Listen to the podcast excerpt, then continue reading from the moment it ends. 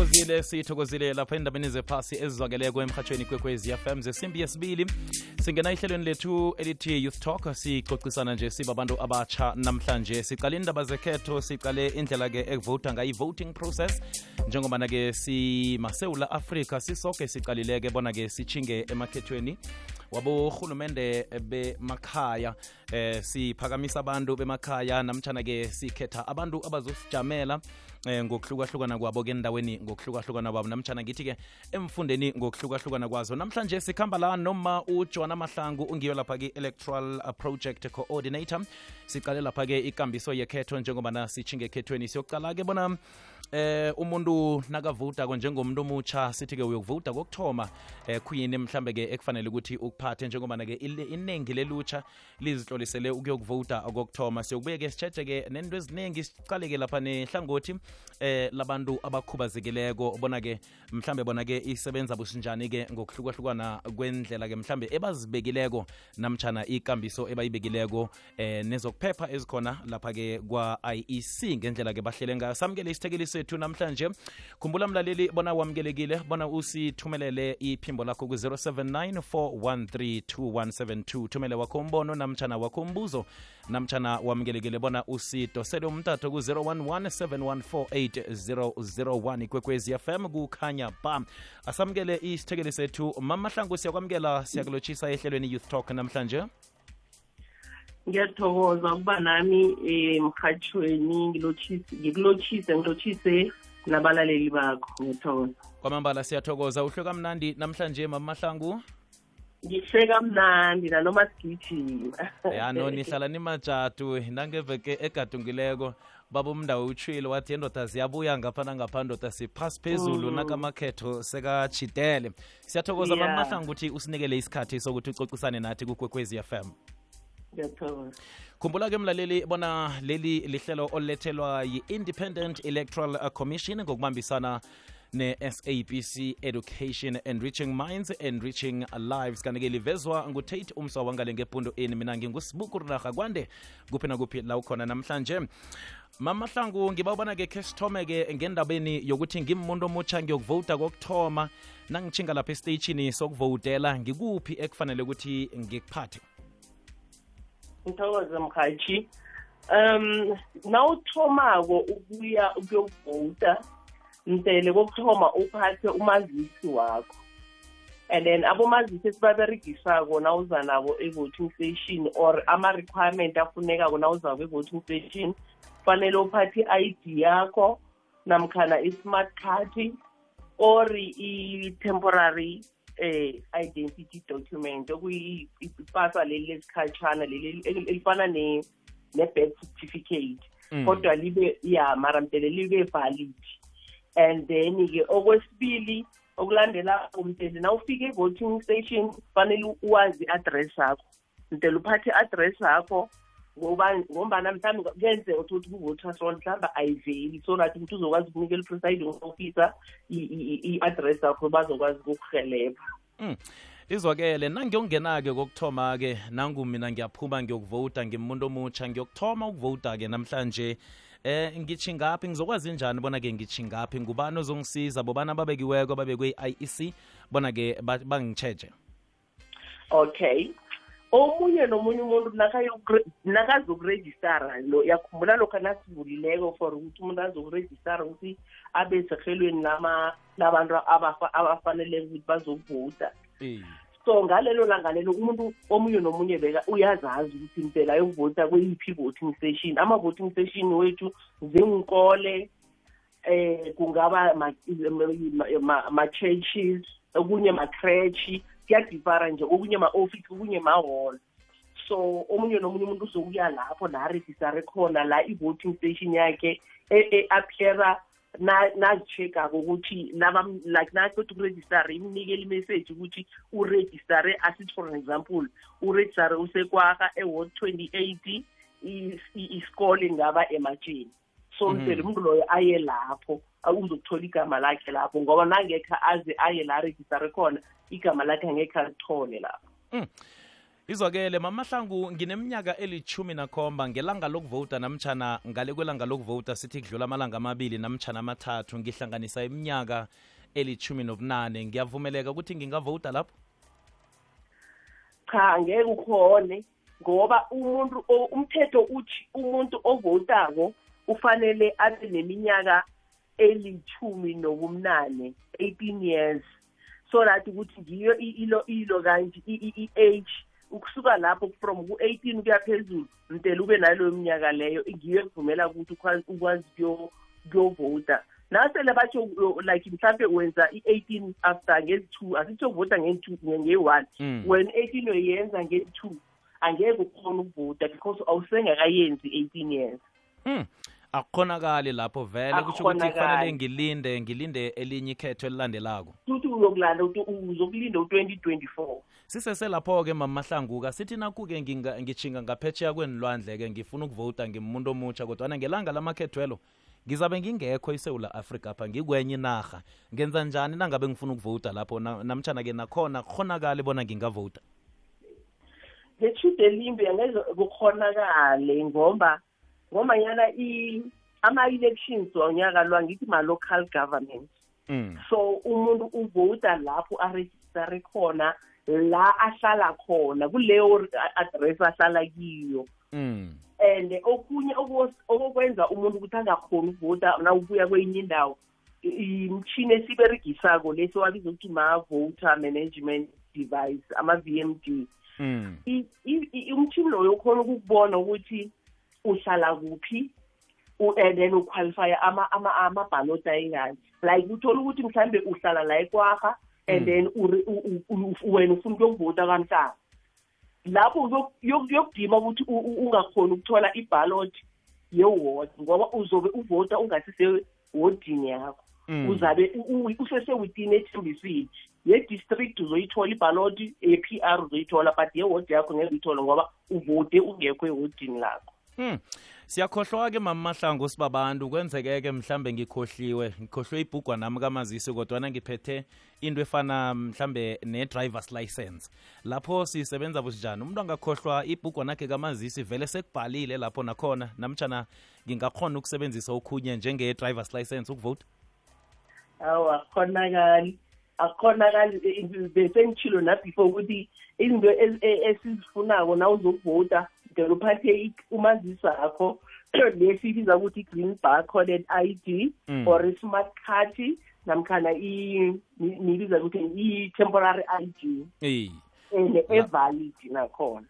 Kwamambala nakho-ke ngikhubazekileke eh mam mahlangu Eh, mhlambe ke angikhoni ukutlola ngisize kanjani? Nakunjalo sithi ke mhlambe nanokuthi angikhoni ukuthi ngibone emehlweni mhlambe ngikhubazeke ngendlela yokuthi angiboni emehlweni. Kufanele ukuthi kube ngubani ongisizako lapho ngoba ke sikhumbule ukuthi kuthiwa ke ivoti eh, yifihlo yomuntu. Umuntu ozongisiza nisebenza njani mhlambe ngehlangothini labantu abakhubazekileko? Okay. Umthetho ubeke ama-category awu-two Mm. woku-assista i-voter enenkinga. Like kune-voter esibabiza ukuthi ba-disable abakhubazekileko bese kuba nama-voter lawa angakhoni ukubhala Mm. uyabona Mm. so laba aba-disable umuntu lo uvumelekile ukuthi eze nomuntu mhlambe eze nomntwanakhe or isihlobo sakhe simphekelele e-voting station Mm. azomhelebha but umuntu loyo kufanele abe na-eighteen years Mm. Ngoba e-station mind you awungeni u- u- ungaphasi kweminyaka en- e- e- e- engu-eighteen so Mm. u- umuntu lo o-disable lo fanele eze nomuntu azomhelebha and then kulaba abangakwazi ukubhala Mm. u-presiding officer noma umuntu lo ezene nomuntu ozom-assista no-presiding officer angamhelebha but now u-presiding officer amhelebhako ama-party agent ayi-two they can observe ukuthi umuntu lo u-presiding officer akamenzisi into efunwa ngu-presiding officer wenza le ifunwa ngu-ivoti Mm.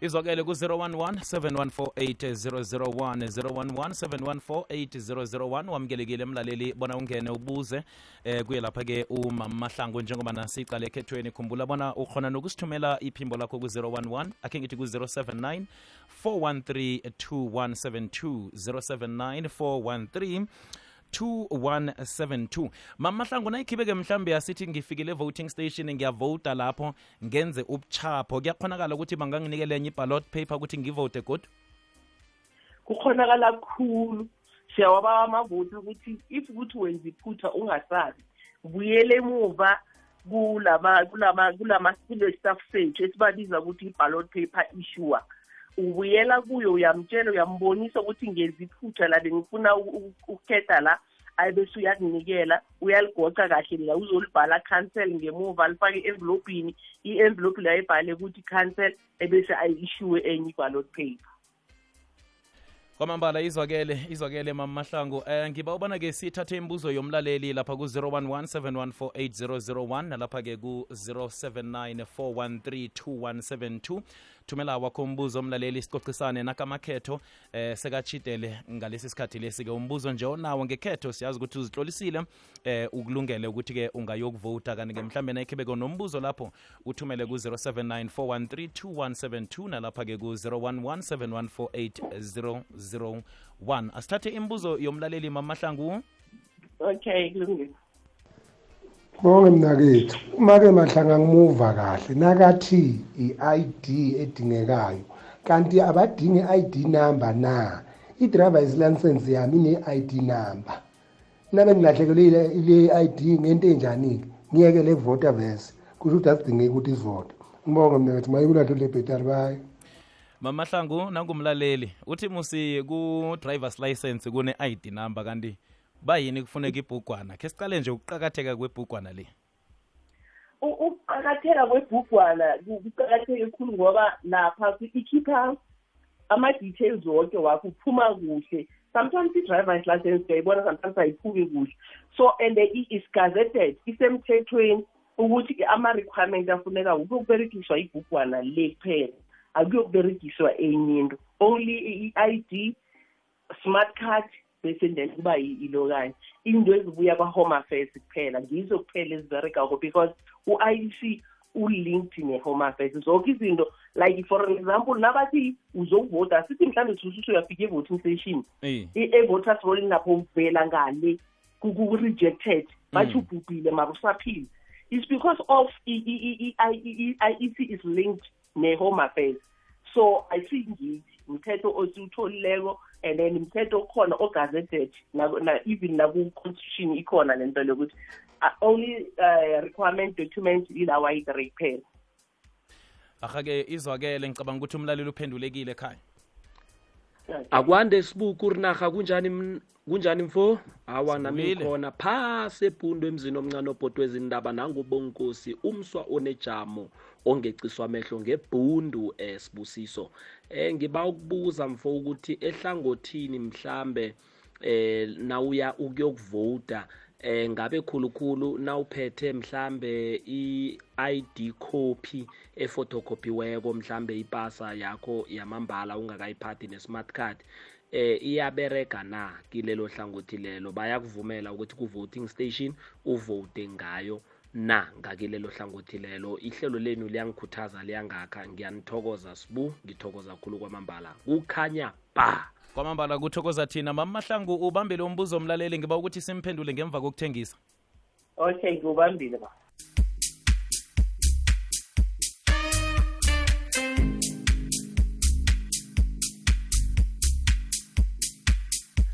right asiragele phambili ku-079 413 naku-011 7148001 mamahlangu ngiba wasiphendula umlaleli? Okay. Ngi- umlaleli ngiyamuzwa indaba ye-photocopy. Mm. ayibereki. Uzokhumbula ukuthi amalanga la i-technology idlale indima ekulukhulu ngingathatha i-id yomunye ngithatha isithombe sami ngisifake ngenze ama-carton page. Mm. uyabona bese uza nayo. So ngikho sifuna ukuthi nawuza estation uphathe ama-original document no photocopy esowa- esowa- mhlobo izwakele imzuzu emashumi amabili nemzuzu nomzuzu munye kuphela ngemva kwesimbi yesibili 21 minutes past 2 emhatshweni kwekwezi fm kukhanya ba he kurinaga popedi dark lady efaka njengila isonovile mina ngarejistara kade for no labo abo-government laba angarejistari kuyakhona ukuthi ngayokuvota na? Mama mahlangu kuzodiphenda ukuthi u- la la gcina uku- uku- uku- ukurejistara khona bekakuphi and nje sekakuphi. And then na- nakhibe ukuthi la a- ahlala khona kula agcina khona ukurejistara. And then kula kuzomenza khona ukuthi akhona ukuvota but sele angaka a- a- a- wachifta endaweni. Mhlawumbe waya kwenye iprovince angeke khona ukumenza angeke akhona ukuvota. But nakube u- uchifte khona la kwam- I mean khona la ithembisile or Dr. J S Moroka you can qualify i- i- ilo kanje asithi mhlambe for angeze ngethembisile Mm. usuke la wayohlala emlodo uhlale kwa Mm. and then azange arejistara solo wagcina ukurejistara ekwaho so umuntu onjalo nakafika e- emlodo uyokuthola only two ballots ye-p r neye neye-district eyeward uyayifobeta ngoba akekho ewodini lakhe izwakele kurinaha nesithekeli sakho lapho ngisaba ukubuza kuma ukuthi naku kuyenzeka wonke iminyaka le bengivota and bengivota ngebhugana nginayo i-smart fo- i-smart card id ebhukwaneni asolo iy'tembu zikhona zokuthi nyaka nonyaka nakuvotwa ngiyavota sengiyafika ku-voting station angitholi umniningwane wami awukho. And ngicala ibhukwana niyabona vele bengivota and bengibhalisa lapho ngihlala kuleyo lokhunja leyo kuleyo wodi leyo. Kwenzakalani lapho? Ngiyathokoza. Ngimamthimit richard bye. Siyathokoza ngetrichard mama mahlangu nakumbuzo okay. Abantu abanjalo ne okokuthoma vani ba-affectwe i-demarcation masidemarcator like kuba nesikhathi la sithi sisenza khona i-demarcation of board iyenziwa be-demarcation board labantu laba be-demarcation board. Mabademarcate ama-ward bawa-change. Abantu bayakhatheka uthole ukuthi umuntu lo akasaweli ku-ward one Beka- beka- all along bekavota ku-ward one. But because of i-demarcation emkhathini sekufanele aye ku-ward three. So umuntu loyo kufanele abuye kithi godi azorejistara godi or nanoma thina after kwenzeke leyo demarcation leyo siyaye ebantwini siyenza le nto siyibiza ukuthi i-t c r. Siyangena siyabafuna siyabathaketa siyibiza ukuthi i-targeted communication registration. Singena umuzi nomuzi sibarejistara so kathi ukuthi bangene ewodini efaneleko. And then sishiye even nemilayezo emaphepha emakhaya ukuthi umuntu khamba-ke uye uyozitlolisa godi because i-voting station yakho seyitshentshile akusesengileya Mm. but nakuthola ukuthi vele awukakatshentshi next azange uye ndawo awukaka-affectwa i-next mara awukho ku-voter roll Mm. and then une-proof sinento esiyibiza ukuthi i-mec seven esizokuyi-issue ngama-election nawufika estation when we check ukuthi ku-voter roll yethu kufanele ube la masibheka nama-boundaries wethu siyabona ne-address yakho siyayibona ukuthi is within that ward. Mm. umuntu loyo siyamnikela i-mec seven simgcwalisise i-mec seven uyavota umuntu loyo. Echekurah. Ukhuluma Lucas Mahambe Tifontein.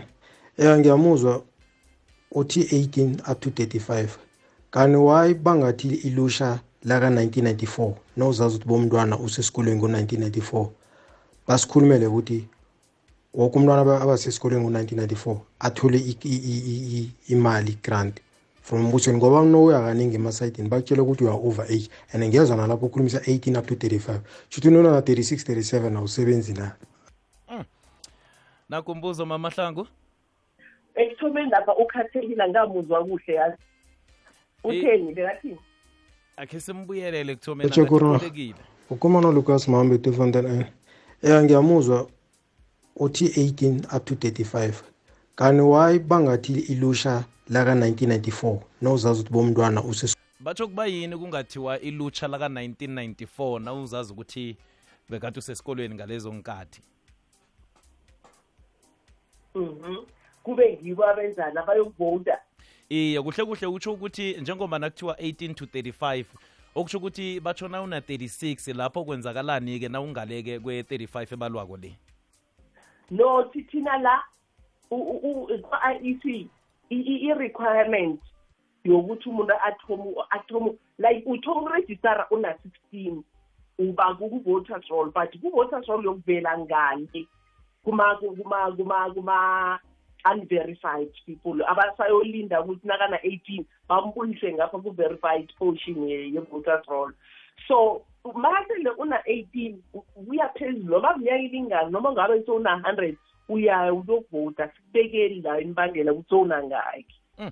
izwakele mamahlangu ngaphambi kokuthi siyivale mhlawumnye khona enithanda ukukudlulisa kwa-iec nikudlulisele eh, kubavoti namtshana ebantwini abayokuvota kileli khetho elizako okay into esiba ukuthi abantu ba- ba- ba- bayenze sisaya kuma-voting station sicela ukuthi bakhululeke beze kuma-voting station wethu sizobe si-observa i- i-protocol ye- ye- lo kanti ye-covid-19 Mm. sobe sibasanitizer woke umuntu ongenako mdele angene agcoke imaski woke umuntu mdele a- a- ayenze a- a- a-observe i-distance singasi bathi i-social distance Mhm. kodwa siyobe siyihlogomela kube sobe sinama-door controller abazobe ba-check-a ukuthi umuntu uphethe uyasanitizwa u- ungena em- uya ematafuleni a- a-relevant la afanele achinge khona before ayo- ayophosela ilo ibhalot yakhe ku- ku- ku- ku- kulo kanje. Ku- ku- kubhalot eh, box yakhe. Kwamambala izwakele mhlambe ke imininingwana enabileko nabayifunako bayifumana kuphi lapha kwa-iec okay uh, bangangena kuwebsayithi yethu i-www elections org za and then ifoni yethu bangasifonela ku-013 013 asiyibize kuhle kabutaka 013